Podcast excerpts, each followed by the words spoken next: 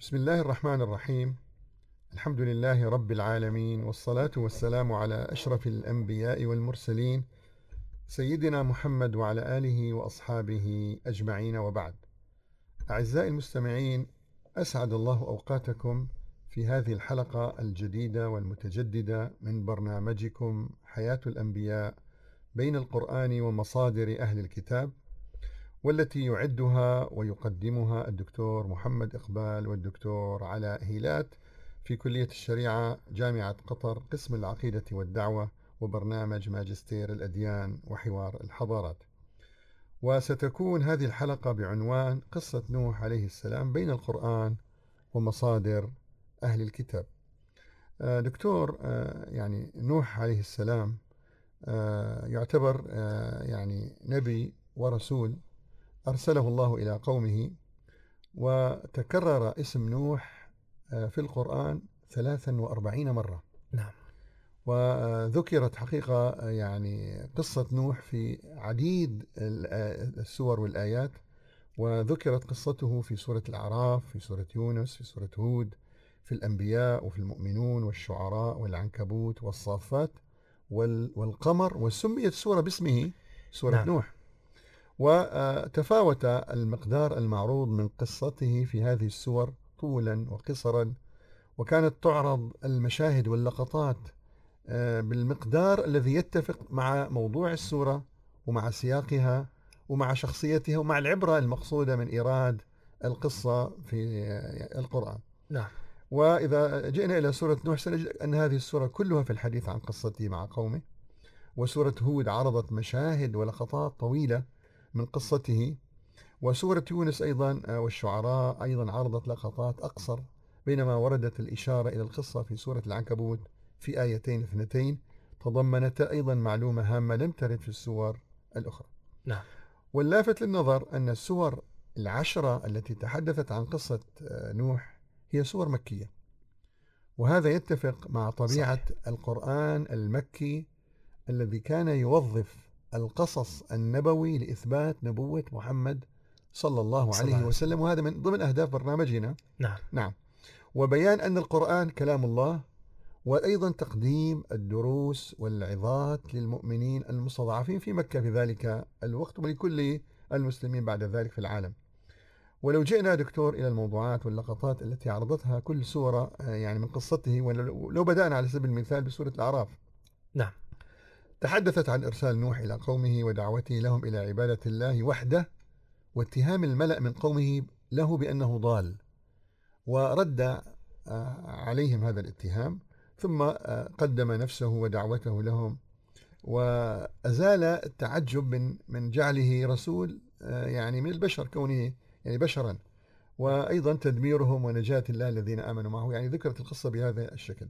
وسورة يونس حقيقة تحدثت عن تحدي نوح لقومه وعدم خوفهم آه، منه يعني آه، نعم. واستعلاءه بالإيمان واعتماده على ربه وتجرده في دعوته وعدم طلبه الأجر منهم وعن تكذيب قومه له ونجاة المؤمنين معه وإغراق الكافرين بالطوفان نعم. وهذه كلها أحداث سنمر عليها نعم إن شاء الله في سورة هود أيضا دكتور آه يعني سورة هود حقيقة يعني جاءت قصته طويلة في سورة هود والمشاهد واللقطات المعروضة من هذه القصة من أطول المشاهد وتكاد تكون أطول من المشاهد المعروضة أيضا في سورة نوح نفسها والتي تخصصت بالحديث أيضا عن قصته وتحدثت عن إرسال نوح إلى قومه ودعوته لهم إلى عبادة الله وحده ورد الملأ الكفار من قومه وإثارة شبهات لهم حوله وحول دعوته ونقد آه، نوح عليه السلام لتلك الشبهات ورفض العرض الذي قدمه له كفار قومه بطرد أتباعه المؤمنين وطلب قومه أيضا إيقاع العذاب بهم ورده على طلبهم. وتحدثت أيضا الآيات عن إخبار الله له بأنه لن يؤمن من قومه إلا من قد آمن. وأمره له بأن, يصنع السفينة. وبعد ذلك عرضت الآيات بعض ما جرى بينه وبين قومه الكفار أثناء صنعه للسفينة وعرضت مشاهد بدء الطوفان وفوران التنور بالماء وتحميل نعم. نوح في سفينته زوجين من كل حي. والمؤمنين معه وجريان السفينة في أمواج الطوفان بسم الله. وسورة الأنبياء طبعا آه، يعني ذكر بآيتين وعرضت الآيتان لقطة سريعة لاستنجاد نوح بربه واستنصاره له على قومه الكفار واستجابة الله له وإغراق أولئك الكفار. آه، في سورة المؤمنون ورد قصة نوح في ثمان آيات وتحدثت الآيات عن إرسال نوح إلى قومه ودعوته لهم إلى عبادة الله ورفض الملأ آه، من من قومه لدعوته وإثارتهم للشبهات ضده واتهامهم له بالجنون واستنصاره بالله وأمر, وأمر الله له بأن يصنع السفينة ونجاته أيضا مع المؤمنين وإغراق الكفار بالطوفان. نعم. وفي سورة الشعراء وردت القصة أيضا في 18 آية وتحدثت عن تكذيب قومه له وعن دعوته لهم إلى الله وإثارتهم الشبهات عليه وعلى أتباعه وطلبهم منه طرد المؤمنين المستضعفين وتهديدهم له برجمه واستنصاره بالله ونجاته مع أتباعه وإغراق الكفار نعم. في سورة العنكبوت أيضا وردت في يعني قصة نوح في آيتين ووردت في الآيتين معلومة جديدة لم تذكر في غير هذه السورة وهي أن نوح مكث يدعو إلى الله في قومه ألف سنة إلا خمسين عاما نعم. ومع ذلك كذبوه فأغرقهم الله بالطوفان وأنجى نوحا وأتباعه المؤمنين في السفينة. أما في سورة الصافات ثمان آيات تحدثت عن استنجاد نوح بربه على قومه الكافرين ونجاته مع أتباعه المؤمنين وغرق قومه الكفار والثناء أيضا على نوح عليه السلام. أما في سورة القمر وردت أيضا في تسع آيات آه وفي أيضا آه سورة نوح كلها في قصته ولا نريد أن نطيل في هذا الأمر. طيب دكتور حقيقة نحن في البداية يعني آه، قصة نوح وردت في نعم. التوراة. آه يعني وهذه القصة يعني نحب في البداية أن نعرف يعني بدايتها في التوراة وأن تحدثنا أيضا عن معنى اسم نوح. طبعا آه نعم. هذا الاسم في العربية يعني آه نحن نعلم بأنه نوح ليس اسما عربيا. نعم. العرب لم يكونوا موجودين عندما يعني في زمنه. نعم تفضل. نعم بسم الله الرحمن الرحيم والصلاة والسلام على أشرف الخلق والمرسلين سيدنا محمد صلى الله عليه وسلم وعلى آله وصحبه الطيبين الطاهرين أجمعين. أما بعد حياكم الله دكتورنا الفاضل على هذه المقدمة الثرية. آه، وهذا الاستقراء لقصة نوح عليه السلام ولتاريخ آه، حياة ونبوة ورسالة سيدنا نوح عليه السلام في القرآن الكريم. في الحقيقة أريد قبل أن أتحدث عن معنى اسم أو احتمالات معنى اسم سيدنا نوح عليه السلام. أريد أن أبدأ من حيث انتهيت. تفضل مثل ما تحدثت يا دكتور أن القرآن الكريم أعطى مساحة واسعة للحديث عن نوح عليه السلام. وهذه المساحة الواسعة لم يعطيها لآدم صحيح وما السبب في ذلك؟ هذا سؤال حقيقة نعم وهذا سؤال مهم جدا نعم. مع أن المتوقع أن تكون المساحة الأكبر لآدم لآدم عليه السلام كونه هو أبو البشر نعم. ولكننا نجد أن أن نوح عليه السلام يذكر في القرآن الكريم في أكثر من أربعين موضع يذكر في عدد من السور قصة نوح عليه السلام وحياته وعلاقته مع قومه وتذكر من خلال عدة جوانب تاريخية صح. وفي كل سورة من السور لقطات. كل سورة تعطينا لقطة وتعطينا إضافة تاريخية صحيح. حتى حياة آه، المدة الزمنية التي عاشها نوح عليه السلام على هذه الأرض هذه تعتبر إضافة تاريخية جدا مهمة في القرآن الكريم نعم. فلماذا القرآن الكريم أعطى مساحة واسعة لنوح عليه السلام لأن نوح عليه السلام هو أول نبي ورسول يواجه الكفر والشرك والوثنية في أبناء آدم نعم. بعد سيدنا إدريس عليه السلام سيدنا آدم عليه السلام سيدنا آدم لم يواجه الوثنية والشرك كان نعم. نبي نعم. ولكنه هو أسس للإيمان في أبنائه فما كان في حالات ردة أو حالات كان هناك بعض بعض الأخطاء الأخلاقية أو الأخطاء الأخطاء الناتجة عن نوازع النوازع البشرية آه، الشريرة كما تحدثنا في الحلقة السابقة في قصة ابني آدم عليه السلام عندما قتل قابيل أو قايين عندما قتل هابيل نعم. ولكن ولكن حتى التوراة تتحدث أنه قابيل أو قايين في التوراة كان يتحدث مع الله وكان لا ينكر عبادة الله وكان وحاول أن يتوب إلى الله وقال له بعد ذلك بأنه أنا أخطأت أو نعم. بمعنى آخر أنه العقوبة كانت كبيرة جدا وأنه ما كان يعلم أن هذا الذنب بمعناه نعم. سيؤدي إلى هذه العقوبة الكبيرة. فهنا نستطيع أن نستخلص أن العلاقة بين البشر وبين الله سبحانه وتعالى بقيت بشكل عام قائمة إلى عهد نوح عليه السلام. العهد الذي جاء به نوح عليه السلام ماذا كان حدث للبشر حدثت في البشرية أول حالة ردة عن عبادة الله عز وجل في البشرية كانت وقعت قبل وجود نوح عليه السلام آه، تفرق أولاد آدم عليه السلام إلى خمسة قبائل تفرقوا إلى خمس قرون. إلى خمسة قبائل كل قبيلة من هذه القبائل كما يذكر بعض المؤرخين والمفسرين كل قبيلة من هذه القبائل طبعا هذا بعد أن كثر أبناء آدم آدم. عليه السلام وأحفاده فتفرقوا إلى خمسة قبائل وهذه خمسة قبائل كانت في خمسة مناطق لكن في الغالب هي في منطقة شبه الجزيرة العربية وما حولها. من بلاد الشام وأرض العراق ومصر فتفرقوا إلى خمسة قبائل هذه القبائل كانت تؤمن بالله عز وجل وكانت على الإيمان الذي ورثوه من. آبائهم وأجدادهم من عند آدم عليه السلام لأجل هذا اختارت هذه القبائل الخمسة كل قبيلة اختارت لها زعيم كان معيار الاختيار أنهم اختاروا أكثر زعيم يتقي الله عز وجل. فكان معيار اختيار اختيار. الزعيم الذي يرأس هذه القبيلة التقوى. هو التقوى والإيمان. نعم. فكل قبيلة اختارت زعيما لها. فتم اختيار خمسة زعماء. لهذه القبائل الخمسة. وكانوا كلهم هؤلاء الزعماء أولياء لله. بعد فترة من الزمن بعد فترة من الزمن ماتوا. الواحد تلو الآخر. نعم. تقصد يعني ود ويغوث ويعوق ونسر. نعم. فلما ماتوا هؤلاء اللي هم ود ويغوث. و- ويغوث ويعوق ونسر و- وسواع و- و- ونسرة. نعم. لما ماتوا جاء أهل هذه القبائل صنعوا لهم تماثيل وأجلسوا هذه التماثيل في مكانهم في دواوينهم وكانوا يطرحون عليه السلام ويحترمونها. هذا جيل الآباء الذين عاصروا موت هؤلاء الزعماء. نعم. لأن هؤلاء كانوا أولياء اعتقدوا أن بذهابهم أو بموتهم ذهاب للبركة في حياتهم. فأرادوا أن يستحضروا صورة لهم من الصور التي تبقى فيها نوع من إحلال البركة في حياتهم. فنحتوا الأصنام. فنحتوا هذه الأصنام التي تشبههم وأجلسوا هذه الأصنام في مكانهم. وكأنهم كانوا يرفضون موتهم. فالآباء الذين صنعوا هذه هذه التماثيل كانوا يطرحون عليها السلام وكانوا يعظمونها. والزعماء الذين نابوا عنهم كانوا يجلسون بجانب التمثال. فجيل الأبناء جيل أبناء هؤلاء الآباء بدأوا يركعون لهذه التماثيل وينحنون لها. جيل أبنائهم أبناء الأبناء سجلوا. جيل الأحفاد سجدوا لها. إذن فعبدوها. اذا هكذا تدرجت دكتور. هكذا تدرجت الوثنية. الوثنية. هكذا بدأت الوثنية. طيب. بدأت الوثنية ب- في في حياة في أولاد آدم عليه السلام من أين؟ بدأت في في محاولة تعظيم صورة البشر في حياة الناس بعد موتهم. مم.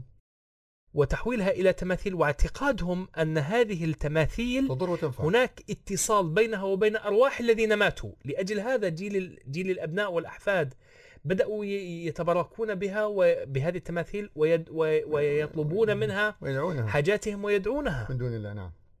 اعتقادا منهم اعتقادا منهم أن هذه التماثيل اعتقادا منهم أن هذه التماثيل تضر وتنفع. تضر وتنفع لأجل هذا في اللغات السامية القديمة. دكتور عفوا هذا كله قبل الدخول إلى قصة نوح عليه السلام آه، أظن أنها مقدمات قد تكون مهمة لأجل هذا في اللغات السامية القديمة. ما هو أصل كلمة صنم؟ من أين جاءت كلمة صنم؟ هذا سؤال مهم جدا. كلمة صنم جاءت من كلمة سامية قديمة ضاربة في القدم قد تكون قادمة من عهد نوح عليه السلام أو بعده بقليل. كلمة صنم هي قادمة من كلمة اللي هي تصل مافت صحيح أن لها اليوم أصول في العبرية والآرامية ولكنها أقدم من العبرية والآرامية. تصل مافت تصل مافت تصل مافت تعني ظل الموت. ظل الموت. نعم تعني ظل الموت. طيب التصه في ال- في اللغة العبرية والآرامية لا يوجد حرف صاد يوجد حرف تصه صح. لا لا يوجد صاد, صاد، يوجد نعم صح. اتصل. فهنا كلمة تصل تعني ظل. مافت هي الموت أو مم. الغائب. مم. مافت مافيتي ال- الغائب. طيب ترجمتها الحرفية ظل ظل الموت أو ظل الغائب. مم. ظل الغائب عندما نقلت إلى العربية العربية فيها صاد فانقلبت التصه إلى صه إلى صاد. فأصبحت صل مافت العرب العرب يميلون إلى الاختصار إلى الاختصار وضم الكلمات. آه، ضم الأحرف حروف. المتشابهة آه، والتي تتحد في. الصوت وإدغامها نعم فأصبحت صلم مم. اختصارا لصل مافت فصارت صل مافت ظل الميت أيوة. ظل الميت أو ظل الغائب ظل الغائب فأصبحت في العربية صلم كلمة صلم ثقيلة على لسان ال- العربي صنم. اللام فأبدل اللام نون. بالنون فأصبحت صنم صنم. طيب هنا كلمة صنم إذا ماذا تعني؟ تعني ظل الميت لأجل هذا لأجل هذا كان ال- البشر الأوائل الذين عبدوا هذه الأصنام كانوا يطلقون عليها تصل مافت شو. يعني تصل مافت؟ يعني أن هذا الصنم هو ظل الإنسان يعني الذي كان مات موجودا آه. ظل ظل ظل الغائب الحي أو الغائب هذا ظله فإذا تقربت إلى ظله أو دعوته أو تبركت به فكأنك كأنك- تبركت به نفسه نعم. بذاته. طيب جميل. لأجل هذا لأجل هذا ورد في المعاجم أن ال- أن الصنم معناها أصنمت الماء وأن ال. وأنها أنتنت وأنها كذا. هذا هذه توقعات لكن المعنى الحقيقي لكلمة صنم الصنم هو ظل الغائب ظل الغائب. ظل الغائب الذي يدعوه الإنسان أو يتبرك يتبرك به اعتقادا منه أنه اعتقادا. منه أن هذا الظل ما يفعله يقوم يصل مقام. يصل إلى الغائب يقوم مقام الغائب بالضبط وهذه فكرة إيش؟ فكرة عبادة عبادة الأصنام والوثنية التي ضربت في البشرية قبل مجيء نوح عليه السلام لأجل هذا يا دكتور لأجل هذا أعتقد تماما تماما وهناك أدلة على هذا الكلام أنه لا يوجد من البشر من عبد الأصنام لذاتها وإنما من عبد عبدها الأصنام لذاتها أ- لا يوجد فئة من البشر عبدت الصنم الصنم. لأجل العقيق المصنوع منه أو نعم. لاجل الذهب المصنوع منه أو لأجل و- في أصنام من الحجارة وفي و- أصنام من التمر. ومن التمر ومن مواد رديئة جدا من صحيح. ناحية القيمة يعني صحيح. ليست يعني ليست ذات قيمة ليست. كبيرة فالصنم هو لا يعبد لذاته من ناحية المواد التي صنع منها وإن ولكنه يعبد لأجل اعتقاد الإنسان الذي يعبد أن فيه اتصال روحاني مع الغائب. مع الغائب. آه جميل. مع- الصورة الغائبة في عالم الغيب التي تدل عليه. لأجل هذا هناك قاعدة في علم الأديان يا دكتور تقول بأن الأديان الأديان غير حقيقية لا يوجد دين حقيقي إلا الإسلام. أن الأديان لا تتشكل في الواقع وإنما تتشكل في العقول. الله أكبر. كيف؟ الدين الحقيقي الدين الحقيقي الذي تشكل في الواقع وفي الحقيقة. هو الإسلام لكن باقي الأديان باقي الأديان الأذهان لم تتشكل في الواقع وإنما تشكلت في الأذهان أو في العقول، كيف يعني في العقول؟ هذه قاعدة في الأديان.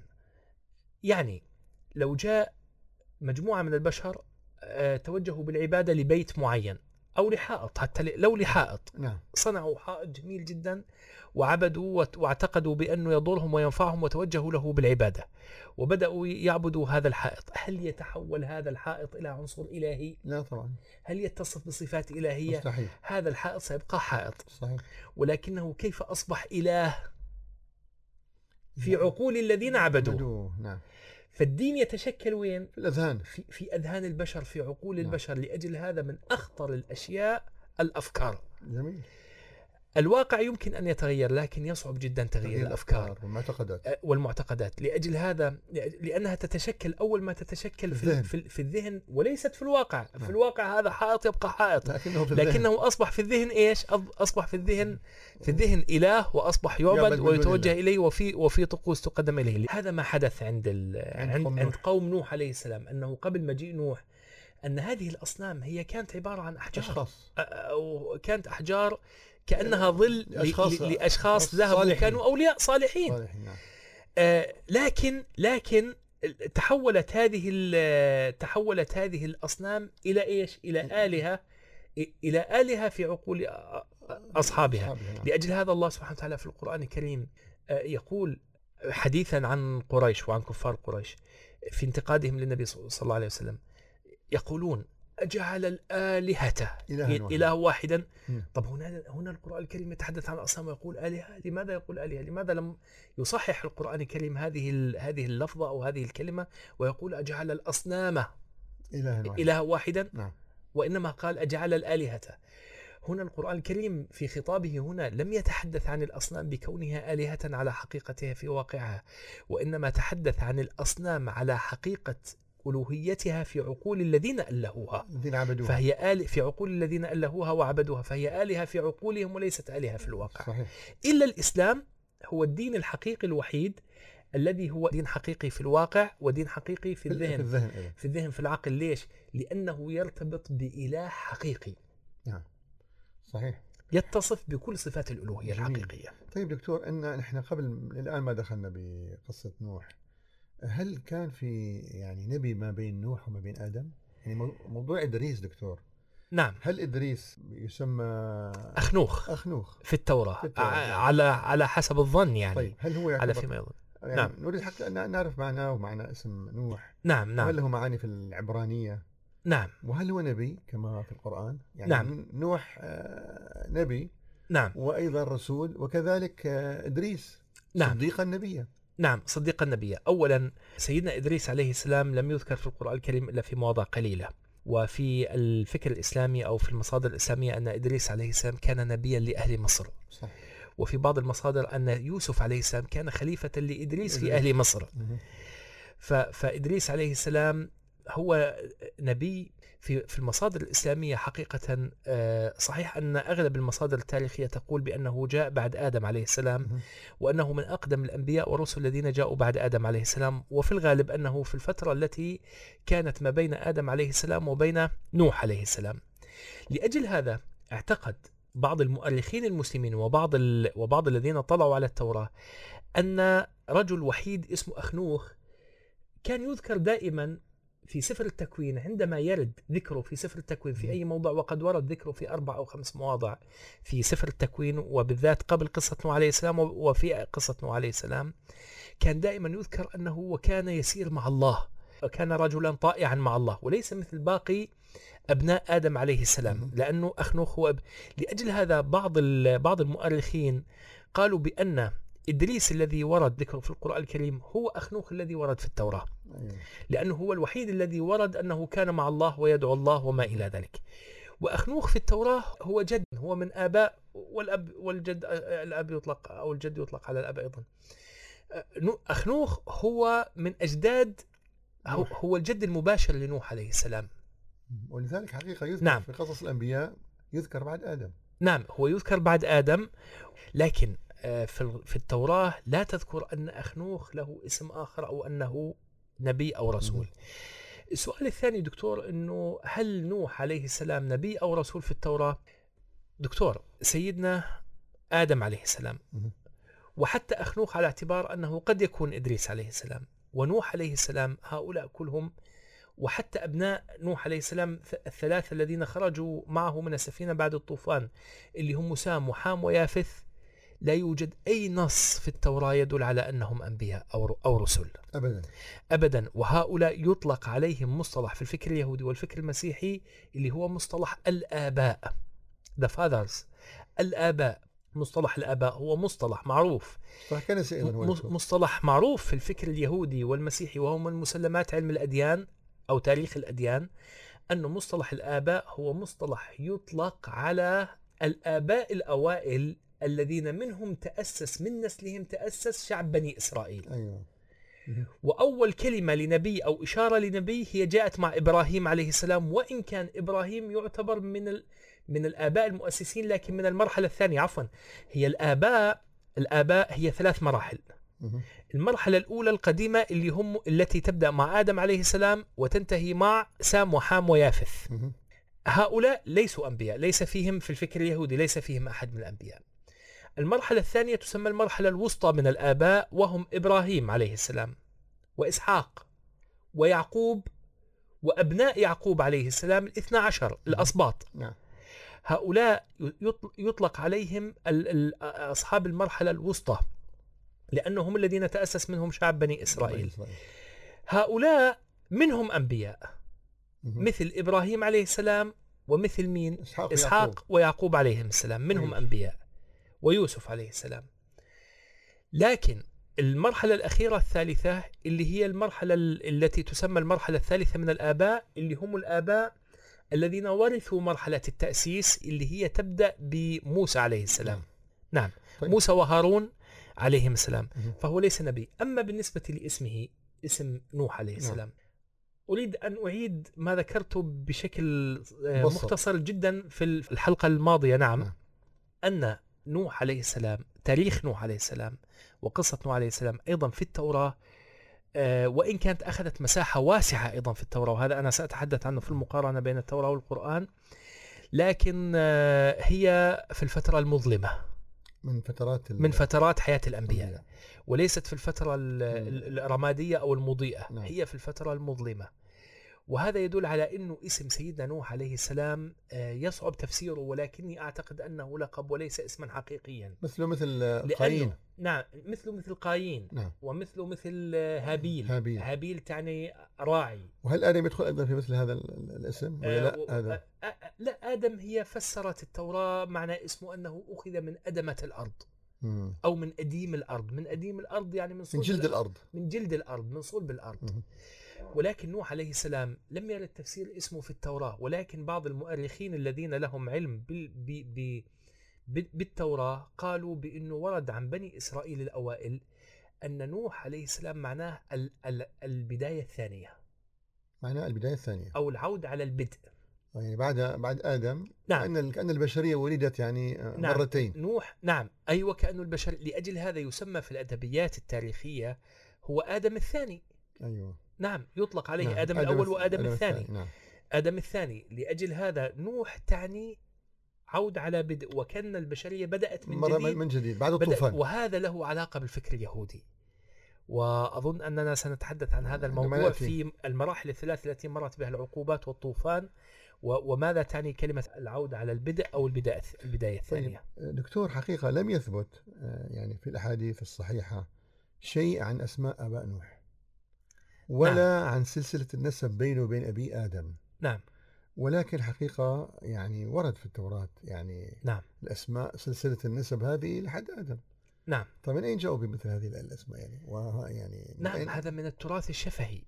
هذا من التراث الشفهي وقد يكون من ال... قد يكون له علاقة بالكتب السابقة التي يعني سيدنا موسى عليه السلام الله سبحانه وتعالى أنزل عليه التوراة وأنزل عليه معها أيضا ما- ما أط- ما أطلق عليه القرآن الكريم الكتاب آه ففي الغالب في الغالب يعني هناك من يفرق بين التوراة والكتاب ويقول بأن التوراة هي التوراة ولكن الكتاب هو شرح لهذه التوراة فقد يكون هذه هذا الشرح هذا, في هذا موضوع حقيقة يعني نعم فيه بعض مهم جداً. التفصيلات التي. وردت مختصرة في التوراة والأكثر من ذلك الأكثر من ذلك أن الله سبحانه وتعالى وصف التوراة آه، أن فيها تفصيل لكل شيء. نعم. فقد يكون ما اجتمع في التوراة والكتاب الذي أنزل نعم. إيه، على على مذهب الذين فصلوا بينهما مهم. على أساس أن الكتاب هو شرح. وأيضا هناك من يقول بانه الكتاب هو هو صحف موسى عليه السلام. الله ذكر في القرآن الكريم صح صحف صحف موسى. إبراهيم وموسى. وموسى نعم. فقالوا طب ليش قال آه، صحف موسى ولم يقل التوراة؟ مم. قالوا هناك فرق بين التوراة وصحف موسى. صحف موسى هي شروحات التوراة. فقد تكون وردت فيها بعض هذه التفاصيل التي إرضاء إرضاء آه، قد تكون يعني توضيحا للجيل الذي رباه سيدنا موسى عليه السلام في صحراء التيه التيه حتى يعرفوا اتصالهم بتاريخ البشر. لأنه عفوا دكتور الجيل الذي ولد في صحراء سيناء كان جيل منقطع عن العلاقة مع الأمم الأخرى. تائه. تائه جيل تائه. نعم. فكانوا هم يولدون وآبائهم يموتون فالجيل الذي خرج مع موسى عليه السلام كله. دفن في التيه إلا موسى دفن على جبل موسى مقابل مدينة القدس في مدينة ميدبة في التوراة أو مادبة اللي هي موجودة الآن في الأردن مقابل القدس وفي الحديث النبي صلى الله عليه وسلم أنه دفن على الأحمر. كثيب أحمر آه، يطل نعم. على بيت المقدس نعم صحيح فكانوا هم يولدون وآبائهم من يموتون آه، حتى. هارون دفن في, دفن أيضا في صحراء سيناء التيه. طبعا كما ورد في التاريخ ورد في التوراة طب هذا الجيل الذي كان منقطع عن ال... عن عن اتصاله يعني كيف يريد أن يعرف التاريخ تاريخ يعني انتسابه للبشر فجاءت في فيبدو والله أعلم أن الله سبحانه وتعالى يبدو آه، الله- أن الله سبحانه وتعالى نعم. قد يكون أوحى لسيدنا موسى عليه السلام في هذه الصحف أو في هذا الكتاب بعض التفاصيل فكونت ارثا شفهيا وصل إلى بني إسرائيل بعد موسى عليه السلام وامتد بينهم نعم ولكن يا دكتور يجب أن ننبه هنا أن هذا الإرث تعرض إلى إلى نوع من. أنواع التحريف نعم طيب جميل نعم. دكتور آه، ن- نأتي إلى حقيقة موضوع آخر هي المدة الزمنية بين آدم نعم وبين نوح عليه السلام عندنا نعم. حقيقة يعني في في مصادرنا الإسلامية عندنا رواية موقوفة على ابن عباس تحدد أن المدة كانت عشرة قرون وهي نعم. نعم. موجودة عند الحاكم في مستدركه عن ابن عباس رضي الله عنهما قال كان بين نوح وآدم عشرة قرون كلهم على شريعة الحق. نعم. فاختلفوا فبعث الله النبيين مبشرين ومنذرين.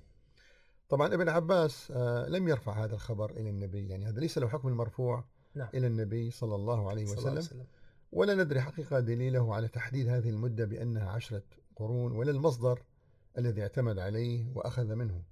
نعم. وبما أن هذا الخبر ليس مرفوعا للنبي صلى الله عليه وسلم صلى الله عليه وسلم. نحن حقيقة نتحفظ في اعتماده والقول ب... ونقطع به يقينا يعني مع إجلالنا وتقديرنا وتوقيرنا لابن عباس رضي الله عنهما. نعم. آه إذا هذا التحفظ حقيقة آه يعني آه الأصل أنه منهج قرآني لأن قصص حقيقة القرآن هي غيب من غيب الماضي وأنباء الغيب لا تؤخذ عندنا في مصادرنا إلا من آية صريحة وحديث مرفوع صحيح. نعم. آه لكن حقيقة نريد أن نعرف دكتور ما المراد بالعشرة قرون بين آدم ونوح؟ وهل تختلف مدة القرن في بداية تاريخ البشرية عن مدة القرن نعم. فيما بعد ذلك خاصة في زمننا المعاصر؟ الأمم كانت تعيش في زمن نوح دكتور ألف مدة سنة طويلة. ألف سنة نعم. ألف سنة يقول آه، آه، يعني ألف آه، ت- يعني 950 سنة. نعم عمر سيدنا نوح عليه السلام 950 سنة. نعم فحقيقة واليوم نحن أعمارنا مثل ما قال النبي صلى الله عليه وسلم بين الستين والسبعين وقليل من يجاوز نعم ذلك. صحيح. إذا كيف حقيقة نحن نتكلم عن هذا الأمر؟ أو هل القرن ممكن مقصود فيه ال- القوم الذين يجتمعون في زمن واحد آه، يعني نعم. كأنهم يقترنون ببعض؟ يعني هذه حقيقة أنا برأيي يعني حبذا لو نتكلم عنها قليلا. نعم دكتور هي المدة التاريخية التي التي كانت بين آدم عليه السلام ونوح ونوح فيها ثلاثة أقوال. القول الأول هو قول التوراة. التوراة أحصت هذه المدة والمدة هذه المدة هذه في التوراة تقدر آلاف وخمسمائة سنة مدة طويلة جدا. إذا كان القرن مئة عام الآن حساب القرن هو مئة عام. صحيح. فثمن آلاف تعني ثمانين قرن وخمسمائة خمسة وثمانين 80 قرن. قرن بين آدم عليه السلام ونوح عليه السلام. مدة طويلة. وهذه مدة 85 قرن وهذه مدة طويلة جدا. هذا القول الأول. طيب كيف تم استخلاص هذا القول من التوراة؟ التوراة بدأت في الحديث أصلا هي التوراة تؤرخ. في الإصحاح الخامس في الإصحاح الخامس يقول بداية هذا الإصحاح هذا كتاب مواليد آدم. يوم خلق الله الإنسان على شبه الله عمله. عدنا إلى موضوع شبه الله. نعم. ذكر وأنثى خلقه وباركه ودعا اسمه آدم يوم خلق وعاش آدم 130 سنة وولد ولدا على شبهه كصورته ودعا اسمه شيثا. لماذا حتى اليهود يعظمون شيث؟ مثل ما ذكر يهوذا بن هاليفي. لماذا يعظمونه؟ لأنهم يعتقدون أنه ليس من أولاد آدم عليه السلام إطلاقا أحد. يشبهه بنسبة 100% في الصورة إلا شيث وهو الذي عوضه الله عنه بقتل هابيل. هابيل. فشيث ويقولون بأنه شيث هو أب إدريس أو أب أخنوخ وأخنوخ أب نوح عليه السلام و و ونوح هو جد إبراهيم. نعم. فهنا الهدف الوصول إلى مين؟ إلى نسل إبراهيم عليه السلام. فشيث هنا يعني آه هذا نقطة محورية يشكل نقطة محورية. التوراة منهجية التوراة. انظر وكانت أيام آدم بعدما ولد شيثا 800 سنة وولد بنين وبنات. يعني 800 سنة و130 سنة قبل أن لما ولد له شيث كان عمر آدم 130 سنة. وبعدين بعد ذلك بعد ما ولد له شيث كانت أيامه بعد ذلك 800 سنة يعني 930 سنة عاش سيدنا. فكانت كل أيام آدم التي عاشها 930 سنة ثم مات. طيب 930 سنة. لما تأتي إلى شيث تقول وعاش شيث 105 سنين. ولد أنوش وعاش الشيث بعدما ولد أنوش 800 سنة. يعني نفس الشيء عاش بحدود 900 فكانت كل أيام شيث 912 سنة ثم مات. فهنا التوراة ذكرت ذكرت أعمار آباء نوح عليه السلام من عند آدم إلى عنده إلى مم. عند آ- نوح. مجموع هذه الأعمار 8500 سنة. كثير. كثير. هذا القول الأول. القول الثاني قول المؤرخين. المؤرخون حقيقة ن- نفس الشيء. نعود إلى أنهم آه، أكدوا على أن هذه الفترة هي فت- فترة مظلمة في التاريخ. تاريخ نعم. قديمة جدا ساحقة في القدم. نعم. فترة قديمة جدا. فهنا هم توقعوا توقعات بعض التوقعات التاريخية أن الفترة قد تكون ما بين عشرة إلى عشرين قرن مهم. يعني ما بين ألف إلى ألفين سنة نعم. واستندوا على أن يعني أنها بحدود ألفين سنة أن الغالب قد يكون ألفين سنة على اعتبار أن هناك تقسيم عند عند بعض المؤرخين آه، للزمن وحتى اليهود أحيانا يعتمدون هذا وهذا يتعارض مع التوراة حتى هذا. التقسيم أنهم يقس- يقسمون عمر الكون عمر الحياة سبعة ألاف سنة. فيقولون أن هناك ما بين آدم ونوح ألفين سنة وما بين نوح وإبراهيم ألفين سنة هذه أربع ألاف وما بين إبراهيم والمسيح عليه السلام ألفين سنة هذه ستة ستة, آلاف. ستة آلاف وما بين آه المسيح ما بين المسيح عليه السلام وفترة الشتات ألف سنة مهم. هذه سبعة ألاف سنة. ثم بعد ذلك تبدأ جلدة الأرض بالتغير وكأنه نبدأ بما دورة يسمى جديدة. بدورة جديدة ما يسمى بآخر الأيام. مم. لأجل هذا الشمعان الشمعدان اليهودي هو سبعة سبعة شمعات. ف- فقالوا بأنه طبعا هذه آراء لبعض الم... حتى منهم مؤرخين يهود حتى مؤرخين مسيحيين يقولون بأنها كانت 2000 سنة ولكن والله أعلم أنها أكثر. الرأي الأخير هو رأي بعض المفكرين المسلمين الذي الذين اعتمدوا على بعض الروايات التاريخية والتي قد تكون مأخوذة من إسرائيليات أو مأخوذة من بعض مصادر أهل الكتاب وهي عشرة قرون. نعم القرآن يعني ال ال أه، ولكن لم يرد شيء في القرآن لم أو في القرآن، مصادرنا. نعم. يعني لا يوجد إلا, هناك إلا, هذا الأثر عن ابن نعم عباس. هذا الأثر ولا يوجد هناك يعني نص حقيقي. وحتى معرفة هذه الفترة لا يؤثر. إحنا عندنا في الدين الإسلامي في ديننا الإسلامي آه، منهجية القرآن في عرض. وفي عرض حياة الأنبياء لا تركز كثيرا على حياة التاريخي. مثل ما هو في التوراة وعاش نعم النوش كذا وعاش أخنوخ كذا نعم. وعاش ما في تركيز على السرد التاريخي ليس المهم كم عاش لكن المهم ماذا حدث ماذا معه ماذا في حياته ماذا فعل ما هي ماذا؟ فعل؟ ماذا فعل نعم صح نعم. جميل جميل. فهنا القرآن لم يذكر على مدة حياة نوح عليه السلام نعم ولكنه آه، ركز في كل المواضع التي أورد فيها نوح عليه السلام على أهم الأحداث التاريخية التي وقعت له في حياته والتي يؤخذ منها العبرة الحقيقة دكتور نستطيع أن نقول باختصار كما يعني ذهبتم إلى أن الإسلام هو أول دين على وجه الأرض. نعم. وأن أول دين يعني هو الإيمان. وأن الناس بدأوا حياتهم كما ذكرت قبل قليل على وجه الأرض مؤمنين مسلمين. وأن الإنسان الأول كان مؤمنا بالله موحدا له وكان على هذا الدين الصحيح آدم عليه السلام وأولاده نعم. وأحفاده. ثم جاء الكفر والشرك طارئا نعم. بعد ذلك. نعم. وقد قرر هذه الحقيقة الإيمانية في البداية التاريخية المؤمنة المهتدية القرآن. نعم. وكان الناس أمة واحدة. نعم. فبعث الله النبيين مبشرين ومنذرين وأنزل معهم الكتاب بالحق ليحكم بين الناس فيما اختلفوا فيما فيه. اختلفوا فيه. وما اختلف فيه إلا الذين أوتوه من بعد ما جاءتهم البينات بغيا بينهم. نعم. فهدى الله الذين آمنوا لما اختلفوا فيه من الحق بإذنه.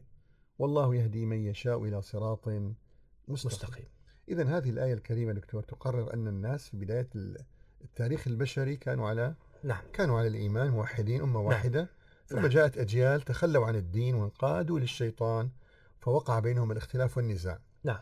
وحقيقة هذا أيضا يعني يعني إن يعني ورد أيضا في صحيح مسلم عن عياض بن حمار المجاشعي أن رسول الله صلى الله عليه صلى الله وسلم عليه وسلم. قال ذات يوم في خطبته ألا إن ربي أمرني أن أعلمكم ما جهلتم مما علمني يومي هذا. كل مال نحلته عبدا حلال.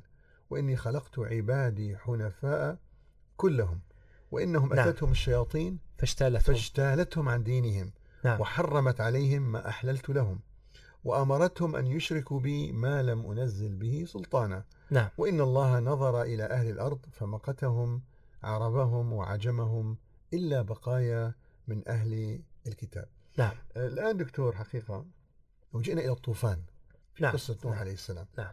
الطوفان ما هي أسبابه يعني في القرآن آه، نعم. نعم. يعني كما قلنا كما أفضت في البداية تكلمت عن الشرك الذي وقع في أبناء آه، يعني آه، المعاصرين لنوح عليه السلام نعم الذين عبدوا ود وسواع ويغوث ويعوق ونسرة واللي نعم. كانوا ناس صالحين كما كما أفضت في ذلك نعم.